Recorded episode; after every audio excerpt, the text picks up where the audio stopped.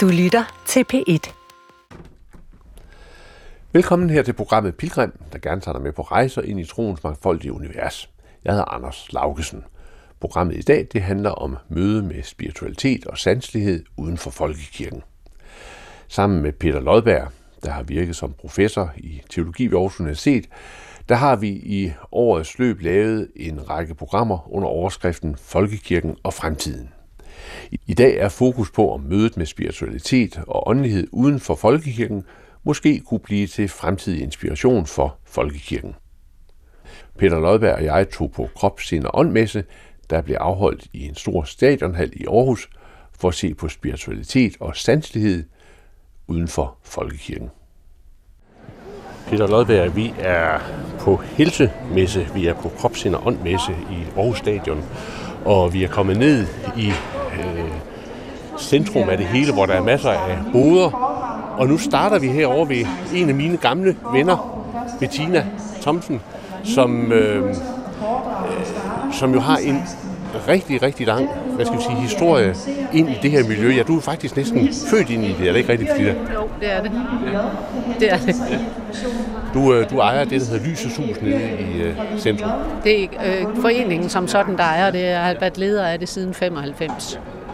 Og det er sådan et sted, hvor man Ja, hvor man øh, møder op. Vi gik mm, spirituelt sted, hvor, hvor der bliver holdt foredrag og klarsyn og alle mulige forskellige ting. Peter, som jeg har med, han er professor, eller indtil i går var forgårs, var han professor, nu er han professor emeritus øh, på Aarhus Universitet, og har en lang, lang historie inden for øh, de kirkelige. Det, som Peter og jeg i dag skal rundt og se på her, det er dels sådan, ja, nogle ting hvad der, hvad der foregår, men jo også at have en, forbindelse, en fornemmelse af det der med sanselighed. Og jeg tænkte nu på, Bettina, hvis vi nu sætter Peter over i den ene stol, og dig i den anden stol, øh, øh, kunne du så prøve måske at og så tror jeg, du skal sætte kaffekoppen også. Ja. Øh, Så tænker jeg på, øh, Bettina, kunne du prøve måske at, at kigge lidt på Peter, og så sige et par ord. Nu er han lige gået på pension. Er der noget sådan som, ja, falder der ind, hvad du sådan, ja. Ja, men lad os lige se. Ja. Jeg lukker lige øjnene. Ja. Øh, så selvom du er gået på pension, så mærker jeg rigtig meget energi omkring dig. Og, øh, og det er ligesom om, jeg får næsten en følelse som om, at nu skal du samle trådene på ny. Så, så, så der, du har en hel masse med dig, som, som du, jeg får lyst til at sige, arbejder videre med. Øh, så hvis nogen tror, du går på pension, så kan de godt tro om igen, fordi der vil fortsat være gang i den. Mm-hmm. Øhm, og, og egentlig et eller andet sted, så nu snakker jeg sådan lidt om, hvad er det egentlig, jeg snakker om mm. omkring, men det er selvfølgelig dit erhverv, eller den, din interesse i måden, verden er på, og så videre. Øh, men jeg oplever også familiemæssigt alle de her ting. Nu skal du have samlet op på nogle af alle de der ting, som har været øh, gennem tiden. Og det glæder du dig rigtig meget til. Mm-hmm. Jeg får sådan en følelse af, yes, nu, nu får jeg mere tidagtigt til mm-hmm. det. Øh, ja, håber Ja. det giver mening. Bestemt, ja, bestemt. Det gør det da. Altså, øh, jeg tror da, du har ret øh, i, at, øh, at jeg håber da, at der er mere arbejde tilbage i mig, fordi så gammel ser jeg jo forhåbentlig heller ikke ud. Og øh, jeg håber da også, at der bliver tid til familien, fordi det er jo altid sådan, at i vores tid, så fylder arbejde meget. Øh, Så når man går på pension, så glæder man sig jo over forhåbentlig at få, få mere tid. Så, øh, så det, øh, den der almene beskrivelse af min egen sindstilstand, den, den kan jeg godt genkende, fordi den har jeg også selv. Hvis nu, Bettina, øh, du sådan, øh, skulle se ind i det åndelige, spirituelle område, ikke? fordi Peter er jo en, der, der har meget stor viden inden for det. Vil du så have nogle råd til ham, hvis han ligesom skal have øh, på en måde øh, finde nogle nye veje, se noget nyt? Altså, vil, vil, vil, du, have, vil du kunne give ham et, et, nogle åndelige øh, sådan, ja, pejlemærker? Ja, og det var lidt af en mundfuld med sådan en, en mand, der virkelig har beskæftiget sig meget med det. Men uh, lad os, vi kaster os ud i det. ja. Øhm, jeg, jeg får lyst til at sige til dig det her med at give dig selv fri. ja. Fordi med al den viden og al den erfaring, alt det der, du har med dig, så, øh, så det her med at ture, tage en bid mere, eller åbne mere op, og øh, en af de ting, som jeg selv er mega fascineret af, og har i øvrigt altid sagt det her med, når troen og videnskaben mm. når hinanden, mm. så når vi rigtig langt. Mm-hmm. Ja. Og det er faktisk noget af det, jeg oplever, der sker i de her år. Ja. Så det får jeg lyst til at give dig med. Ja. Så hvis du ligesom kan få en vinkel på det, noget af det, vi taler om, det er kvanteteorien og de her ting. Mm-hmm. Øh, så, så, så det kunne måske give dig en ny vinkel ind Ja. i det. Det er jo det her med, at alting er energi. Mm-hmm. Og, øh, og nogle gange så, ja, alt er energi, men Ja. forstår vi det egentlig Ja. ud i yderste konsekvens, Ja, hvad det er? ja. Og, Men, ja. men det, det kan jeg sagtens øh, følge dig, fordi den verden, jeg kommer fra, og det, som jeg har været optaget af igennem et langt arbejdsliv, det er jo øh, Helligånd. Ja. Øh, og jeg kunne godt tænke mig at spørge dig, giver ordet Helligånd, giver det dig øh, en fornemmelse for noget vigtigt, eller vil du hellere tale om ånd og, s- og det spirituelle, end du vil tale om Helligånd? øh, ja, jeg taler jo rigtig meget om ånd og Ja. ånder. Ja, Øhm, og, og Helligånden er jo vigtig, men for mig øh, er ånd ånd. ja, Så, Ja. så jeg sætter ikke Helligånden over andet på den måde, men Nej. Jeg er rigtig godt klar over den vigtighed, den Ja. har inden for den kristne tro og Ja. så videre. ja, netop. Øhm, så, men jeg, jeg tror, det er vigtigt det her med, at vi forstår helheden af det her med sjæl og ånd og krop, altså ja. den helhed, vi har der. Ja, Øhm, og, og for mig, der bliver det vigtigere, at det er, er, er menneskeligt, og at vi har begge ben på jorden, øh, frem for, at det er noget, der er højt hævet over os mennesker. ja. Fordi ja. så er det ikke brugbart Nej, for os. nej, Så nej. vi skal have det ned. Ja. Jamen det kan jeg sagtens øh, se, hvad du mener der. Jeg, jeg lagde mærke til, at du talte om de onde ånder. Nej, det gjorde jeg ikke. Gjorde du ikke det? Men jeg sagde under. Ja, men sagde du ikke også, at, at der, var forskel på ånder? Eller Nej. var det noget, jeg... Er, er der kun gode ånder? altså i, i det spiritistiske univers? Fordi altså, hvis man går til Afrika, så er der jo en kamp om ånden. Ikke? Altså, hvor, hvor der er onde ånder, som man øh, ikke skal påkalde sig, men der man skal kun påkalde sig de gode ånder for at betvinge de onde ånder. Er, er det et element i din oplevelse af, hvad ånd er? Eller hvordan tænker du om det? Jeg tænker sådan om det, at lige så vel som vi her på jorden Ja. har den store alsidighed af mennesker, så er det selvfølgelig også Mm. øh, for ånderne. Ja. Så, og ligesom i alle gode eventyr, der handler det jo om lyset og mørket. Ja, Og det er en del af, ja, af livet. Ja. Vi skal selv vælge, Ja. om vi vælger lyset eller mørket. ja, lige præcis. Så, så, så det er egentlig mit svar på det. Ja, ja. For jeg tænker egentlig, når du kommer fra lysets sted, kan man sige, og, og, er, er med der, så må det jo netop være, fordi det også er et mørke. Altså, Ja, der må ja. også være en modsætning. Der, må Der er ikke noget, lys uden mørke, nej, jeg er der, helt der er enig. noget, der skal bekæmpes, eller Ja, ja, der er noget, den- der skal tilsidesættes. Den dualitet, som er Ja. ja. en af de ting, vi taler om, det er også, lyset og mørket har samme ret, men vi bestemmer. Ikke? Så vi Ja. bestemmer hver Ja. dag, hvilken vej ja, vi ja, vælger. Ja. Der er nok en forskel til kristendommen, hvis det er den form, jeg forstår, at der er lyset altid vigtigere end mørket. Jamen, det gør det jo ikke. Ja, okay. Altså at, at mørket, det er så at sige symbolet på de sider i vores tilværelse, der holder os fast i døden, eller i det, som vi ikke kan, eller det, som vi gerne vil, vil væk fra. Det er det ondskaben. Men, og, så det er en realitet i verden. Så det er ikke en kamp imellem det gode og det onde, der bare er ligeværdigt. For, det, for lyset har vundet. Ja, men det er, det er, det er fint for mig, men Ja. vi har stadigvæk øh, dualiteten, og, og står stadigvæk Ja. hver dag og skal Så. vælge det. Men jeg ser jo ikke døden som noget som mørke. Nej. Det lød lidt som om, Nej, men det er spændende. Hvordan tænker du om døden så i den sammenhæng? jamen i bund og grund, vi er jo en sjæl, Ja, som lige nu er inkarneret på jorden i en krop. ja, ja, Når, når kroppen dør, ja, så er vi tilbage Ja. i den her sjæl. ja. Så ja, det er kroppen, der forsvinder Ja. og forgår, Ja. men sjælen er evig. Ja, Så, så det er min død. ja. Så, så din død er sådan set ikke en rigtig død. Det er ikke Nå, en det kunne man sige. Det er ikke, en, det er ikke en, sådan en fysisk død, hvor alting sådan set ophører. Nej, det er kun kroppen jo. det er kroppen, så, så du lever egentlig videre i en ny krop. Ja, måske Øh, kunne vi på- også sige en ja. anden svingningshastighed. Ja, en anden svingningshastighed, ja. Fordi du stadigvæk kan nå at opleve så meget som muligt, hvor man må sige, måske i kristendommen, jamen der er det slut i dette liv med døden, i håbet om, at der findes en opstandelse hos Gud. Og der fortsætter livet så i det evige liv, som vil være et andet liv, end det liv, vi kender her på jorden. Så der er jo både nogle, synes jeg, fællestræk, men der er også en spændende diskussion om, hvad er egentlig meningen med tilværelsen. Ja. Men, men, men hvis jeg så lige må bryde ind her, så kan man sige, Bettina, at, at altså, du har jo så øh, arbejdet med at tilegne dig nogle øh, hvad skal jeg sige, erfaringer, nogle oplevelser omkring det der med liv efter døden. Altså du, du, har, du har jo den der spiritistiske baggrund, hvor du har haft øh, kontakt med, med ånder. Det går jeg næsten ud fra, at du ikke har, Peter.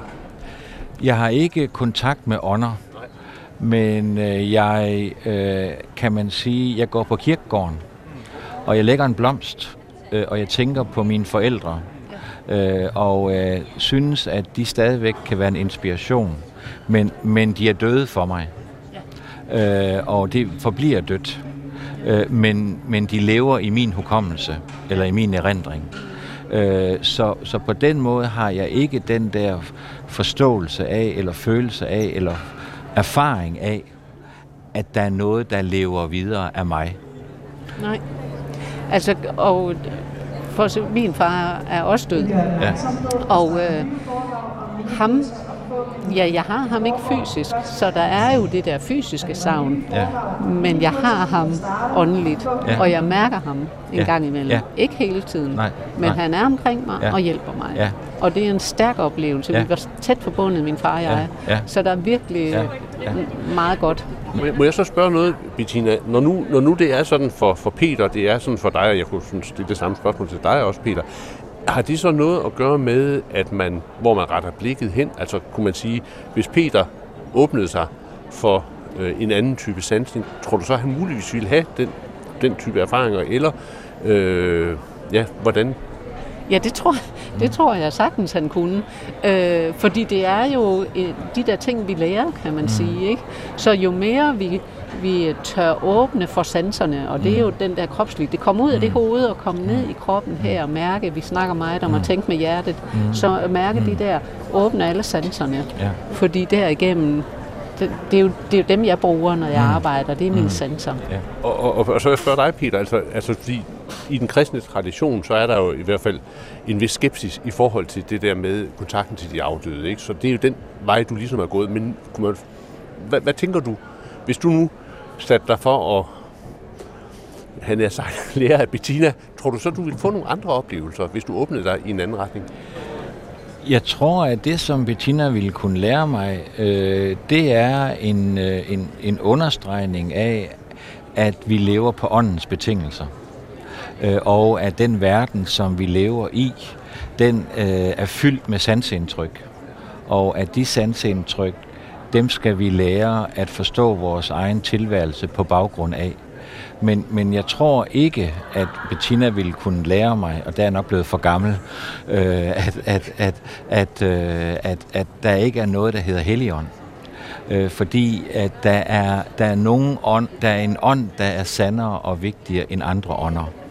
Øh, og det er den ånd, som har Kristus for sig, øh, og som er Kristi ånd, øh, og som er den, der åbner op for, at jeg kan have et håb om opstandelse. Men jeg ved det ikke. Øh, og det er i den forstand, har, har du måske en viden om det, der sker efter døden, som jeg i hvert fald vil sige, så langt tør jeg ikke gå. Jeg holder fast i håbet om opstandelsen, øh, og jeg øh, beder til, at opstandelsen også vil være min opstandelse. Men det vil forblive en påstand, indtil jeg selv erfarer det. Tina, tusind tak, fordi vi må kigge ind på ja. din stand. Ja. Det er dejligt. Ja. Tak. Ja, ja. Ja. Tak skal du have. Øh, Peter Lodberg, øh, her rører vi jo øh, i den samtale ved et, et meget interessant sådan, øh, spørgsmål, som har at gøre med, med hvad skal vi sige, erfaring og er erfarings, øh, hvad bestemmes erfaringen af? Mm. Altså, bestemmes erfaringen af en forventning, eller øh, blokeringer i forhold til nogle erfaringer, eller hvad ved jeg, ikke? Jo, jeg tror, at øh, det, er, det er vigtigt at overveje, hvad skal man bruge erfaringen til? Øh, og kan erfaringen stå alene, og har erfaringen sandheden i sig selv? Og der tror jeg, man i kirkens lange tradition, der har man nok oplevet for mange gange, at erfaringer kan føre forkerte steder hen, og derfor skal erfaringer hele tiden tydes og tolkes i lyset af en grundfortælling, som så i kirkens sammenhæng er, er grundfortællingen om Jesus af Nazareth. Men, men her, hvis man sådan går rundt, så er vi et sted, hvor der bare er masser af ting, der kunne pege ind på erfaring. Ikke? Altså vi er sådan set ikke i en tydning, men vi er en erfaring. Og nu kommer vi herover i et hjørne, hvor jeg, hvor jeg håber, at vi kan få mesteren med telefonen her til at slå en tone an, fordi vi befinder os over i et hjørne, hvor der er nogle meget store krystalskåle, øh, og hvor øh, det her det handler om toner og vibrationer, der åbner. Jo, det er rigtigt. Øh, jo, det er øh, syngeskåle, krystalsyngeskåle, som er lavet af det reneste kvartskrystal. Kan jeg få dig til lige at, at, at slå, slå an her? Vi har nogle store, smukke, hvide skåle, og så drejer du rundt på dem. Så kører jeg rundt uden med en gummikølle på dem.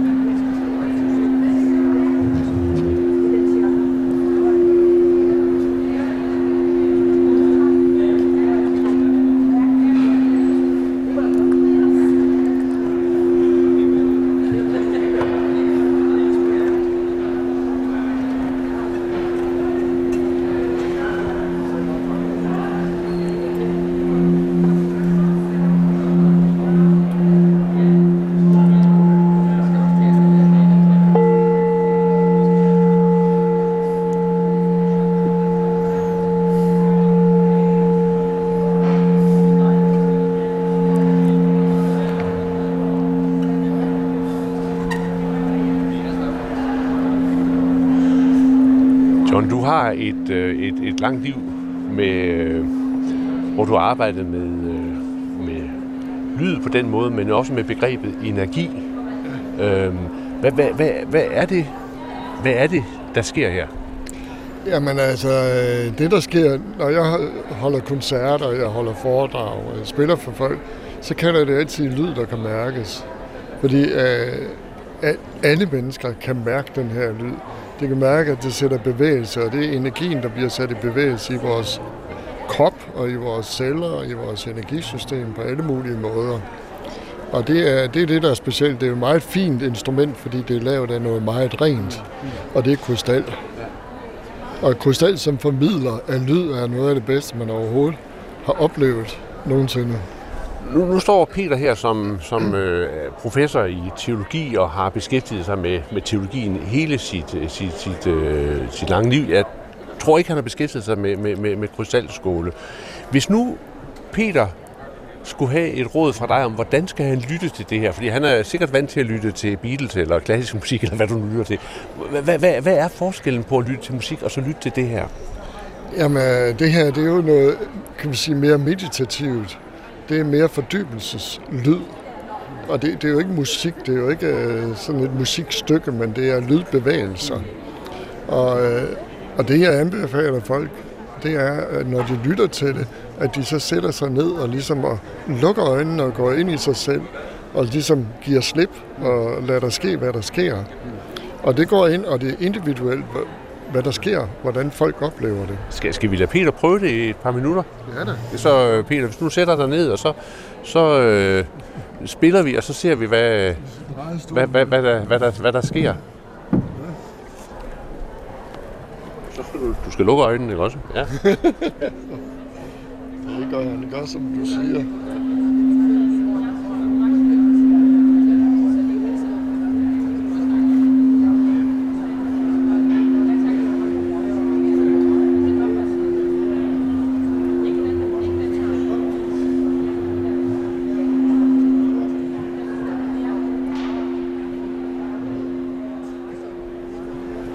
Peter, hvad, hvad, hvad, hvad skete der? Skete der noget? Jeg synes, at det, der sker, det er, at man falder dybere ned i sig selv. Øh, og at man har en fornemmelse af, at man er i et univers, der bliver større. Fordi øh, lyden sådan set øh, omslutter en mere og mere i takt med, at man koncentrerer sig om at lytte. Nu var der en del støj, kan man sige, i baggrunden, men hvis man prøver sådan at abstrahere fra det, så giver det sådan en fornemmelse af, at man er i en øh, lydboble af en slags, øh, hvor der så også er forskellighed, uden at det dog er toner, men, men der er forskellige lydstyrker og forskellige sådan fornemmelser af lyd. Øh, Pia Lund, du sidder over ved siden af noget, der hedder blomster, Baks Blomstermedicin. Nu er jeg bare kaldt over. Det kan være, at det, det, det er et helt vildskud, det her. Men jeg kunne forestille mig, at du er en, der har arbejdet med, med, med at sanse sådan på forskellige vis. Øh, hvordan vil du beskrive sådan en oplevelse af, af den her type lyde? Altså, hvordan virker det ind, i, ind på dig? Hvordan, hvordan, ja, hvordan vil din beskrivelse lyde? Nu er vi jo så heldige, vi står lige ved siden af, så vi får lidt et, ja. øh, et øh, lydbad indimellem, ja. Ja. og det påvirker os jo herhen. Og jeg kan mærke, at øh, de forskellige skåle her, de resonerer forskelligt i mig, arbejder forskellige steder i min krop. Og jeg synes faktisk lidt, det øh, arbejder ligesom når man indtager bakblomsterremedier, at det er energier, der går ind og spiller ind i vores øh, krop og påvirker os til at, som der står her, finder indre ro og balance. Så, så det vil sige, når du, altså Peter har en beskrivelse af, at det udvider, og der, der sker et eller andet, men du går ind og, og, og sådan set lokaliserer nogle steder i kroppen, hvor der er noget, der går ind og, og bliver ja, stemt. Ja, jeg synes i hvert fald, jeg kan mærke, at det, det, at det arbejder forskellige steder i kroppen, og jeg tror også, hvis jeg, som du sidder og, og sådan koncentrerer mig og dedikerer mig til det. Nu er jeg jo på arbejde ved siden af her. Hvis jeg dedikerer mig til det, så, så vil jeg også tro, det er så smuk en beskrivelse, du kommer med, at det kan åbne sig. At det kan åbne nogle steder i mig. Øhm, og arbejde energetisk, ja. Vi går lige herover til ved siden. Tak, tak for det, John. Øh, fordi nu er vi så over ved det, der hedder blok, øh, Bachs blomstermedicin, som er sådan en jo meget gammel og etableret form for, øh, ja, for, for, for medicinsk remedie. Men jo altså, som du, som du siger, har meget at gøre også med det der med øh, vibrationer. Ikke? Prøv lige at fortælle om det der vibrationsunivers. Hvad er det for noget? Ej, det er så spændende, du spørger, fordi at det er jo noget, vi forsøger at forklare, og alligevel er det lidt subtilt. Det kan godt være lidt uforklarligt.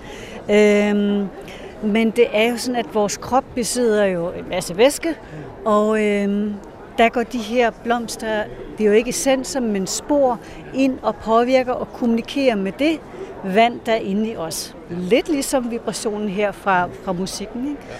Og hjælper os med at øh, løfte vores forskellige følelser og støtte os i forskellige følelsesmæssige balancer. Ja. Så, så, så vil du så altså hvis nu Peter han skulle have noget, sådan nogle, der er mange, mange forskellige små øh, flasker her som med, med sådan nogle dråber. Hvis nu Peter han skulle have øh, sådan et eller andet, hvad, hvad vil du så gøre for ligesom at finde ud af, hvad vil være godt af, af de her blomsterdråber for Peter? Jeg vil høre, Peter, hvilke følelser, der er aktuelt i hans liv nu, altså af negativ art. Om der er noget, der trykker, om der er noget, der er besværligt, om der er noget, der er lidt øh, svært lige nu. Og det kan, jo være, det kan jo være noget omkring nogle øh, følelser som frygt, angst eller bekymringer, der fylder. Ja, nej, men altså lige nu, når du spørger til, så er det fysisk træthed. Ja, fordi at jeg har været på arbejde siden fredag eftermiddag, og stort set ikke holdt en pause lige siden, og været op klokken, øh, klokken 5 i morges for at forberede mig her til noget, jeg skulle i, i dag. Så, øh, så det er sådan en, en fysisk træthed, men også en eller anden form for tilfredshed over, at det gik, som det gik. Så jeg har ikke på den måde en, en frygt for fremtiden eller noget, men, men måske mere sådan en, en, en, ja, hvad skal der til for, at jeg kan leve med den der fysiske træthed? Jeg ved ikke, har du noget mod det? Og fysisk træthed, der har vi et remedie, ja. som hedder oliventræ, ja. når man netop har knoklet rigtig meget i længere tid. Mm så kan man have en tendens til at have svært ved at lige falde helt derned i sengen, altså falde helt til hvile. Mm. Der kan man godt føle lidt, at man ligger sådan 5 cm over ja. lanet, og ikke helt kan finde ro, selvom man egentlig trænger rigtig meget til det. Mm. Så kan oliventræ, som det remedie hedder, ja. hjælpe os med at læne os lidt mere tilbage, finde den ro, genfinde den ro og få en vitaliserende søvn, for det er det, vi har brug for. Ja, ja. Så, så, så, jeg ved ikke, om vi skal, vi skal ikke give ham et råb nu, fordi så, er han, så bliver han ikke. så er jeg nødt til at snakke med. Altså. Men jeg kan se, at du har et bold så. Ja. Skal vi ikke give ham sådan et? Jo, det skal vi da. Ja. Det skal vi da. Og det er, et, øh, det er sådan en lille pastil, som der er fire dråber af den her Bug Rescue, som er faktisk det remedie, de fleste mennesker kender. Det er sådan et øh, akut remedie, som folk bruger, når de skal til tandlæge, eller til eksamen, eller skal ud og flyve. Ja. Så, Så vi, vi ser, hvad der sker. Han falder ikke i søvn. Tak for det. Godt. Tak for det. Ja, godt. Undskyld. Nå, men Peter, øh, Øh, her er vi jo så over i, i, i, i, i det der med, at menneskets øh, eksistens også spejler sig i en, i, i en energiverden. Ikke? Altså, det var også lidt det, det, som Bettina var inde på. Altså, der er energier, og her har vi en gammel ting, der peger ind på, på samme, nemlig astrologi. Og det er jo i dit fag, altså der er der mange, der har øh, lænet sig op af astrologien. Ja, ja, altså faktisk øh, var Luthers gode kollega Melanchthon, han var, en, øh, han var meget optaget af astrologi og var meget dygtig til at, øh, at lave astrologiske studier og horoskoper og så videre. Så det er jo først senere, at det sådan set er blevet udfaset, i hvert fald i den lutherske kirke, fordi man synes, at det er, er lidt for meget overtro, eller lidt for meget noget andet, det det bør være. Ja. Altså, øh, og, og man kan jo så sige, øh, er det, er det stjernerne, der, der, der virker, eller er det fordi, man har noget at, at spejle ting i? Det, det, det, ved jeg, øh, det ved jeg selvfølgelig ikke. Altså, det skal jeg ikke kunne lade, øh, altså, det skal jeg ikke tage stilling til. Men i hvert fald så er der her en lang tradition for det, at man bruger noget til at ligesom kunne, kunne spejle øh, livets kompleksitet i. Og hvis jeg nu husker rigtigt, ja, det gør jeg ikke. Nej, jeg, jeg, jeg, jeg farer vild, Peter. Nå. Jamen, Jeg vil finde noget, hvor man læser til kafferum, nemlig. Okay. Ja, ja nå. Ja. En analog skrivemaskine. En analog skrivemaskine? Ja. Jo tak, det vil jeg meget gerne. Og det er en reklame Det er en reklame. for akupunktører og massører, healer og ansigtslæser. Ja. Det er jo ikke så lidt. Nej. Nej. Hvad kan jeg, hvad kan jeg få at vide om mig selv, Hvad som jeg ikke ved i forvejen? I ansigt. Ja. Jamen, du kan få, dels få at vide, hvad for nogle potentialer du har. Ja. Hvad for, du er god til, hvad du har af Okay. udfordringer. Ja. Og har du nogle udfordringer, kan du måske også, har du måske også nogle idéer til, hvordan du kan komme videre med dem, eller komme, Ja. komme helt over ja. dem. Ja. Men Peter, vi, vi skal videre, fordi der er så mange ting, vi kan her, men, men vi, skal, vi skal videre, så, så, så det med ansigtet, det må lige vente Det en omgang. Ja, Tak- det venter. tak for det. Tak for det. Uh, undskyld. Peter, øh, her er vi et sted, hvor der står frøken Kram. Prøv lige at forklare, hvad det er, du, øh, hvad du, hvad du laver. Jamen det er platonisk øh, healingsberøring, hvor vi simpelthen bare krammer folk. Øh, de lægger sig ned og, og holder om dem. Så det er med tøj på, og det er meget intimt, men det er også super beroligende og afslappende. Øh, og, og Peter, der kan man jo sige, at i, i, en, i en, en kristen sammenhæng har man jo i hvert fald en lang tradition for, hvor man ligesom, kroppen har, har været lidt problematisk. Og på den anden side set, så er der vel også en anerkendelse af, at kroppen er enormt vigtig. Altså det, at man, det, at man ligesom, hvad skal jeg sige, tilbyder et kram, et ordentligt kram, ikke? Hvad, hvad, hvad tænker du om det? Hvad, hvad, hvad, hvad, hvordan forstå det? Det tror jeg, der må være dejligt, og øh, jeg sætter stor pris på, at jeg bliver krammet af dem, som jeg gerne vil krammes af, fordi der jo i krammet ligger en anerkendelse, og der ligger en beroligelse, og der udtrykkes jo en form for kærlighed, øh, som man har brug for som, øh, som menneske. Så jeg, jeg, ja, det er sådan umiddelbart kommer til at tænke på, fordi jeg nu øh, har hele den, kan man sige, kristne fortælling, det er jo, at øh, i, i forskellige steder i det gamle og det nye testamente, der, der krammes mennesker. Altså der bliver de omfavnet. Og, og omfavnelsen er vigtig, fordi der ligger en accept i omfavnelsen. Også egentlig, og et udtryk for, at øh, måske er vi meget forskellige, og måske får vi ikke rigtig noget med hinanden at gøre, men vi ser hinanden i krammet, og derfor er det vigtigt. Mm. Det er rigtig godt sagt. Mm. Øh, helt enig med dig. Altså, og vores hud er jo det største organ, vi har. Men tit så glemmer vi den, som sans, mm. og vores følesans, fordi at vi har sanserne op i ansigtet, ja, ja, og det, ja. det er der, vores sanser ja, er. Ja. Nu har jeg jo været præst, øh, og jeg har jo også haft begravelser. Og noget af det smukkeste i forbindelse med en begravelse, det er jo både inden begravelsen går i gang, og efter begravelsen er afsluttet, man står ude ved kisten, så krammer folk hinanden. Fordi det er en måde at trøste hinanden på. Så, så måske i, i den form for kristendom, vi kender mest til her i Danmark, øh, der er krammet ikke ritualiseret. Men krammet er der som en menneskelig, et menneskeligt udtryk for omsorg øh, for hinanden i en vanskelig situation. Ikke? Mm. Øh. Ja. Tak, tak for ja. det. Ja. Det er ja, godt. Tak. Ja. Øhm, det, det, med, det med kroppens betydning er jo, er jo noget, der er meget øh, øh, udbredt her. Der er mange steder, hvor man kan få forskellige former for øh, massage og healing også. Og, og, og på, på sin vis, Peter, kan man jo godt sige, at, at altså, altså lige præcis det er jo udtryk for en... Øh, Ja, både for noget almen menneskeligt, men jo også på en måde et ønske om at bringe kroppen ind i det spirituelle. Et mm. ønske, der jo egentlig sådan rent teologisk burde ligge lige op af kristendommen. Ikke? Helt sikkert. Altså, man kan sige, at kropsligheden er jo der er noget af det mest uh, naturlige i kristendommen, fordi uh, det hedder, at uh, kirken er Jesu Kristi krop eller læme.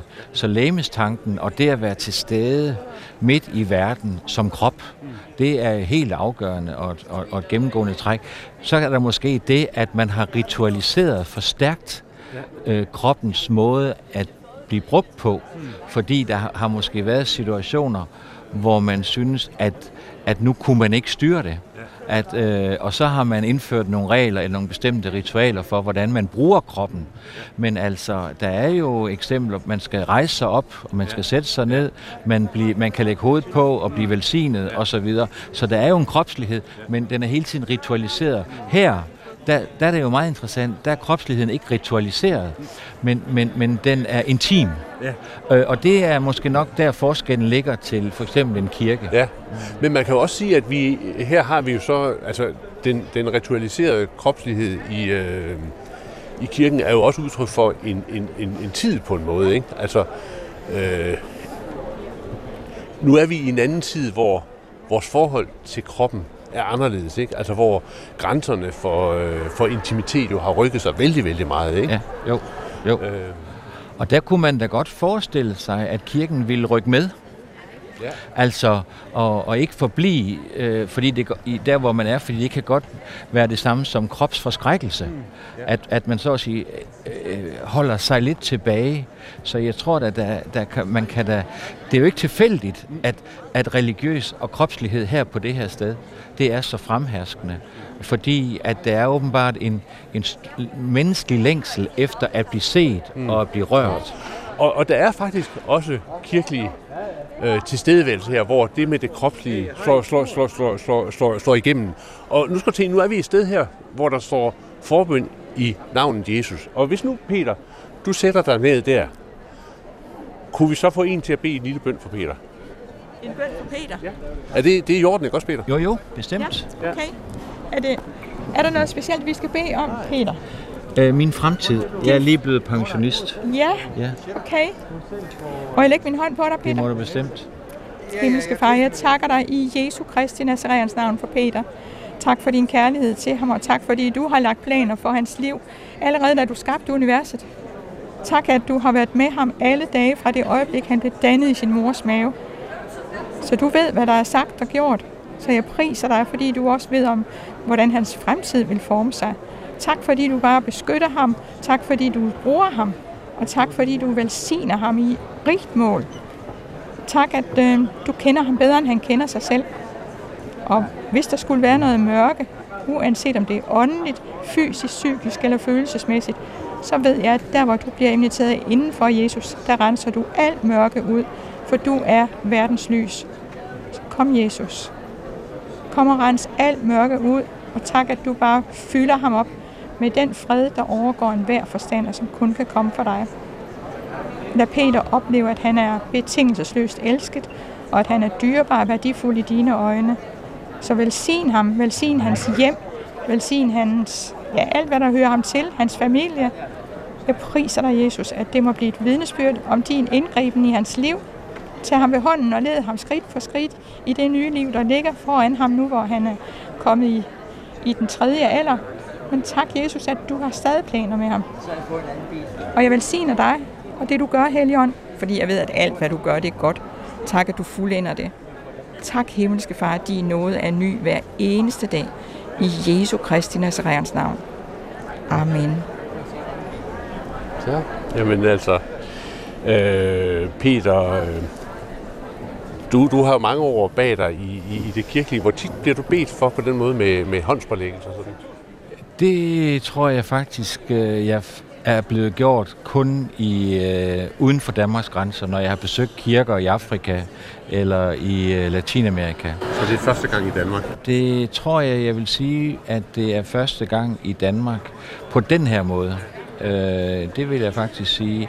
Jeg har jo været til i forbindelse med gudstjenester, bliver der jo bedt for os øh, alle, men jo ikke så direkte personligt som, øh, og konkret, som du nu har gjort. Hvad, hvad, betyder det, det, hvad er din erfaring, hvad det sanselige, altså berøringen, hvad, hvad betyder det i mødet?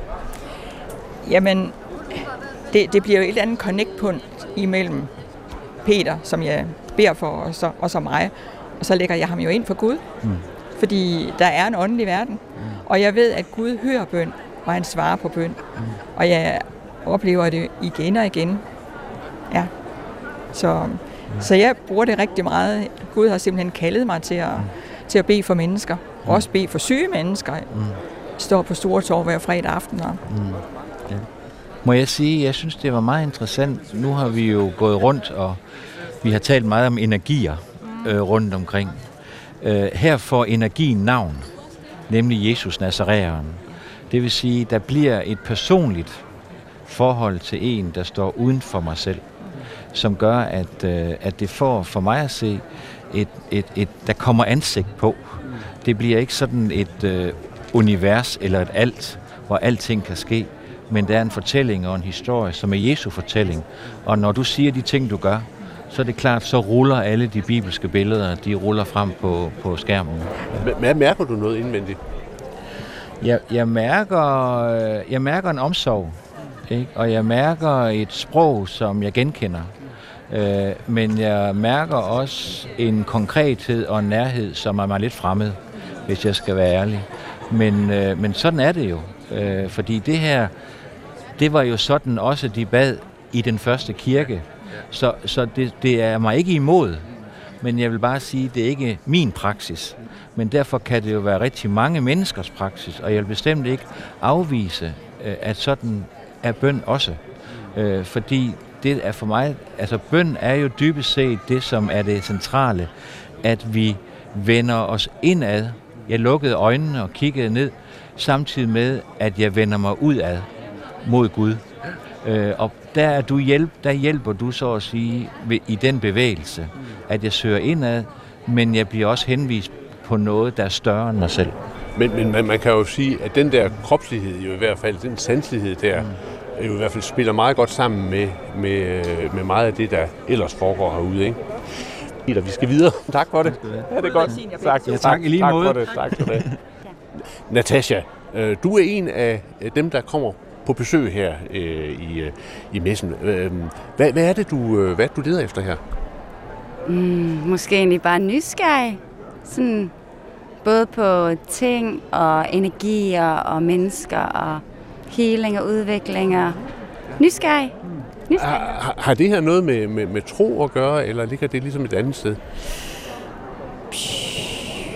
Altså, jeg tror, at det er at, at tro på noget større mellem himmel og jord, men ikke en sådan decideret tro, men at tro på, at på energi og kosmos, og at vi er en del af noget større. Det er i hvert fald der, der jeg er. Finder du så nogle hjælperedskaber her, eller har du ligesom veje, du følger? Altså, jeg, lige i dag, altså jeg er lige kommet for en halv time siden, jeg tænkte bare, nu går jeg bare lige ind og lader mit hjerte guide mig, og whoopsie, så var der noget Palo Santo, som til at cleanse ens hjem med, det manglede jeg. Og så var der sådan en, øh, en tebi-pibe til noget rapé, som er noget, jeg bruger, som er noget medicin fra Amazonas. Så der var der jo også lige, og bum, så havde jeg brugt 1000 kroner. så, så, så det var en dyr halv time. Men jo, bestemt, der er der masser af værktøjer, man kan bruge sådan, til energiarbejde derhjemme. Men, men når du nu så bruger, og nu, jeg ved jo ikke helt, altså noget til at rense hjemme med, og det der Palo Santo. Santo. Rapé, som er sådan noget mapacho, tobacco og urter fra, fra regnskoven. Er det så fordi, du er syg, eller er det fordi, du, du gerne vil ligesom, ja, Nej, jeg er egentlig meget rask, fuldstændig. Men sådan, bruger det til meditation, og til at, sådan at cleanse ens energi. Og, altså, rapéen er jo virkelig god til sådan at udrense blokeringer i ens krop og sjæl og sind. Så det er altså en virkelig smuk medicin. hvordan, hvordan oplever du det så, når, når den der rensning, den sker? Altså, hvordan føles det? Sådan, som sådan en klarhed, at man lige kommer tilbage til sit anker.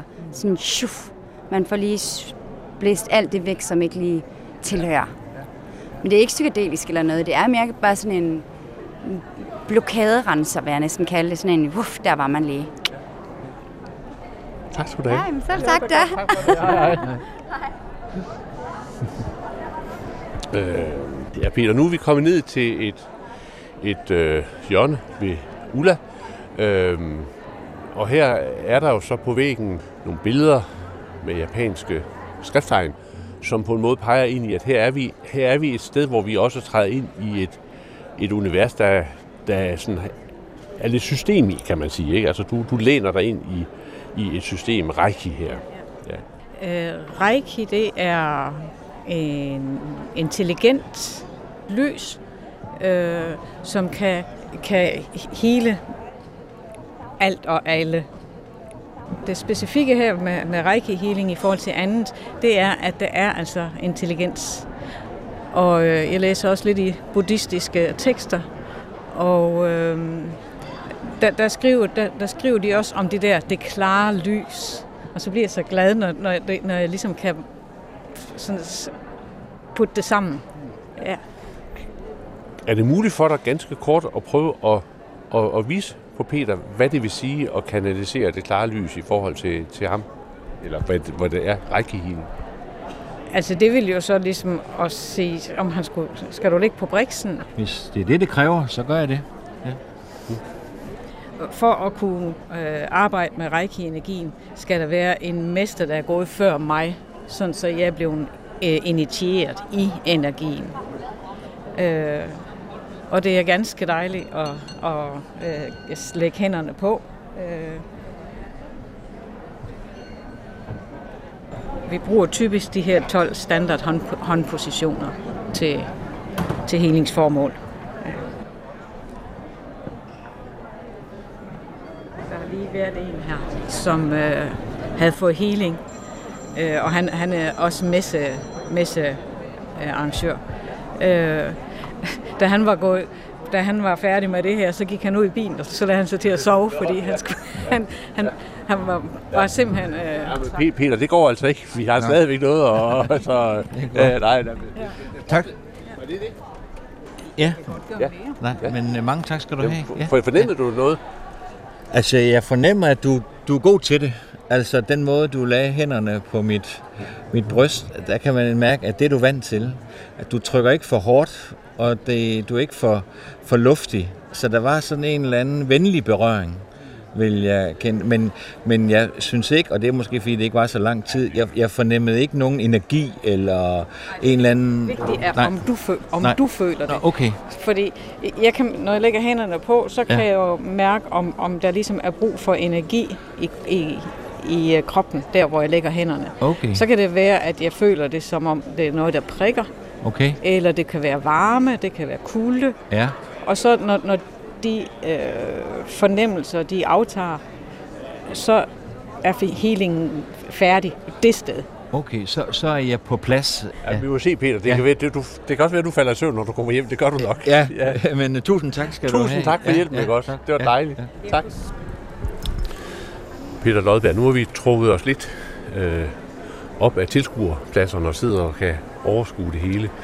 Øh, den her begivenhed i Aarhus, Kropssind og Åndmesse, øh, finder, øh, en lignende begivenhed finder sted i København og i Aalborg.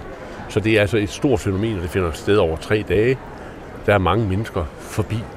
Øhm, hvordan, hvordan ser du på det her som, som, øh, som fænomen? Jeg ser det som et udtryk for, at der er en menneskelig længsel efter et øh, guddommeligt nærvær.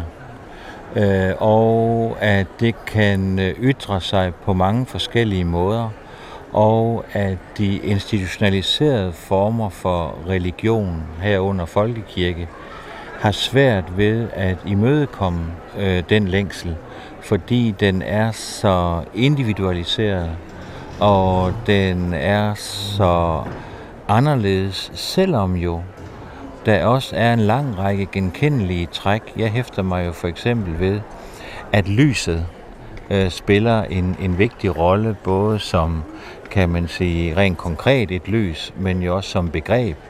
At, øh, at der ligger en idé om, eller en tanke om, at, øh, at mennesket øh, er også fanget i noget, som det ikke selv kontrollerer, og, som, og at man har brug for befrielse eller et lys, som kan, kan vise vej. Så, så jeg synes, der er jo mange elementer her, som jeg godt kan, kan genkende, men det er hele tiden på individets betingelser. Og, og, og jeg vil så måske også sige kærlighed. Altså, der er jo her rigtig, rigtig mange bud på formidling af en større kærlighed ind i ens liv. Ikke? Det er altså lige fra smykker og dufte og medicin til så øh, mennesker, som kan hjælpe dig med en, en, en kærlighedsberøring. Og fra det perspektiv, så må man jo sige, at det, det er faktisk ret... Øh, det, det er jo egentlig bevægende at, at, at, at, at se, hvordan, hvordan den længsel efter en kærlighedsberøring øh, på en måde selvorganiseres her.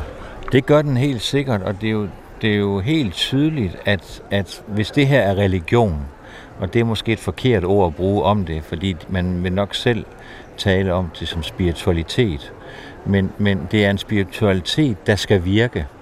Den skal have en, den skal have en forandring den skal, for kraft, den skal have en virkning, den skal, skal, den skal føre til helbredelse, man skal heles, man skal komme i overensstemmelse med sig selv, så der skal ske ikke kun en, kan man sige, åndelig eller intellektuel forandring, men der skal ske en fysisk forandring, øh, fordi at øh, der er en oplevelse af, at man skal holdes om. Altså det er på den måde, at det er jo meget rørende, at man som et, øh, et menneske, der kommer her øh, og, og går rundt, og så føler sig tiltrukket af, at nu lægger man sig på en briks, og så får man en vild fremmed kvinde, øh, som regel, der kan også være en mand, øh, til at øh, røre ved sig. Øh, det øh, er jo for nogen i hvert fald grænseoverskridende, men det er jo helt tydeligt noget, som folk har brug for, øh, og som de sætter pris på, og som de kan bruge til noget. Og, og den der, kan man sige, fysiske nærhed, og den der fysiske kærlighed, som man næsten kan, kan fornemme, øh, den synes jeg er meget tankevækkende, når man går rundt her. Ja, fordi vi har jo at gøre med noget, øh, som stort set alle steder har overskriften sanslighed. Ikke? Altså, det er en sanslighed i berøringen imellem det enkelte menneske, og så noget, der er større end, end mennesket selv. Ja, for nogen, altså der tror jeg også, der er forskel, så vidt jeg kan se. Altså graden af, hvor, hvor, hvor meget man er indfældet i noget, der er større, og hvor meget man selv er ansvarlig for sit eget liv. Nu skal jeg ikke gøre mig til ekspert efter at have gået rundt her i halvanden time, men jeg synes, der, der, der, der ligger noget der. Altså er der en Gud, er der noget, som man retter sig imod, eller er man selv sin egen Gud? Jo, men det kan også være, at man retter sig imod universets energi. Altså, at man ikke behøver at have et, et gudsbegreb, men altså det større, man retter sig imod, det er energiernes, øh, hvad skal vi sige, samspil kosmos, det er lydene, der går ind og åbner din bevidsthed. Altså, øh, der behøver ikke nødvendigvis at være et gudsbegreb i forhold til det med, at der er noget større. Nej, det er, det er meget ukonkret i en vis forstand, og det er en følelse af at være en del af noget større. Og, og det minder mig, hvis man kan så at sige øh, grave tilbage i nogle af dem, der har arbejdet med, hvad religion er, så er der jo nogen, der vil sagt, jamen religion det er en følelse. Det er en følelse af den yderste afhængighed af noget, der er større end en selv. Og at øh, det er der, tanken om, hvorfor er vi her? Øh, og hvorfor er længslen efter mening her? I den forstand kan man jo godt sige, at det her er egentlig meget fundamentalt og giver udtryk for den følelse, som man åbenbart ikke føler bliver imødekommet i de institutionelle former for religion, som jo også hviler på den tanke ofte. Øh, spiritualitet, det at der er noget åndelighed, det er det, man, man jo så vil identificere sig med her, men hvis man tager ordets sådan oprindelige øh, betydning, religion, religare, det der får ting til ligesom at, at binde ting sammen, det der får ting til at hænge sammen, så er det her jo øh, i hvert fald fra det perspektiv udtryk for øh, religion, fordi der er noget her i det spredthed, der får ting til at, øh, at hænge sammen.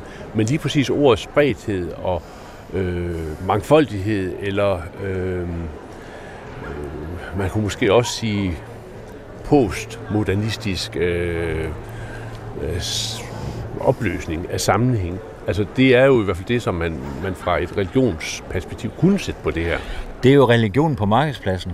Man står i hver sin lille båd og tilbyder, og nogen vil sige faldbyder, øh, det øh, produkt, som man har.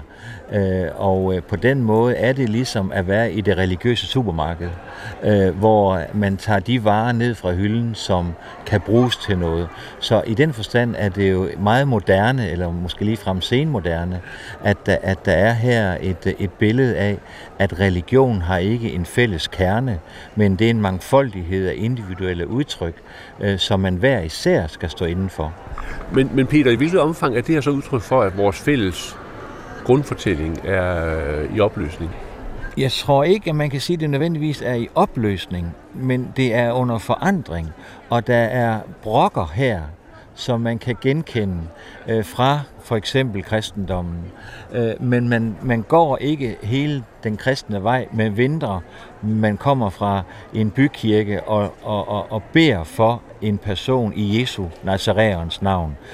Det er helt tydeligt, og det er anderledes, fordi der bliver man meget specifik.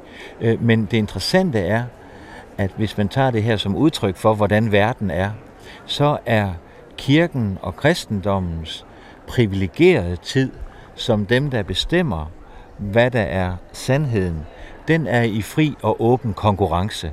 Og der må også kristendommens forbøn vise sig, om om, om den kan bære, om den har noget. For der er ingen, der på forhånd har autoriteten her. Man skal så at sige vinde den igennem den praksis og den forandringsvirkning, som ens budskab kan føre til. Nu, nu arbejder vi jo i en række udsendelser med temaet øh, Folkekirken og fremtiden. Øh, og hvis man sådan ser tilbage øh, kirkehistorisk på den måde, troen har bevæget sig op igennem tiden, så har det jo været i en proces af synteser, en proces af forandring, en proces af samtale med samtiden. Øh, når du ser dig ud, ser ud over det her, øh, kunne der så være noget, som du tror, øh, folkekirken som institution og som øh, øh, i en anden forstand vil også et trosystem øh, kunne, øh, kunne blive inspireret af? Altså, jeg synes i hvert fald, at det er slående, at mennesker tror og at det er mennesker, der tror på måder, som de finder, kan man sige, udtrykt her. Altså det bliver næsten som en kirke. Det bliver næsten, øh, vi er i en sportshal, men sportshallen er lavet om til næsten en form for kirke, uden at det er kristendom. Men så det er et tempel. Det er et tempel for den moderne religiøsitet øh, her. Og så synes jeg, at den der kropslighed, den der sanslighed, den der berøring, øh, den, den synes jeg er meget slående. Og hvor jeg tænker på, jamen sådan er det jo også i kirken, men den er bare blevet ritualiseret ned til et minimum fordi der har været perioder i kirkens historie, hvor man har oplevet, at den sanslighed og den kropsberøring, den blev misbrugt. Og så laver man regler, så laver man rammer for at undgå misbrug af det, og for at det ikke skal føre mennesker derhen, hvor man ikke skal føres hen.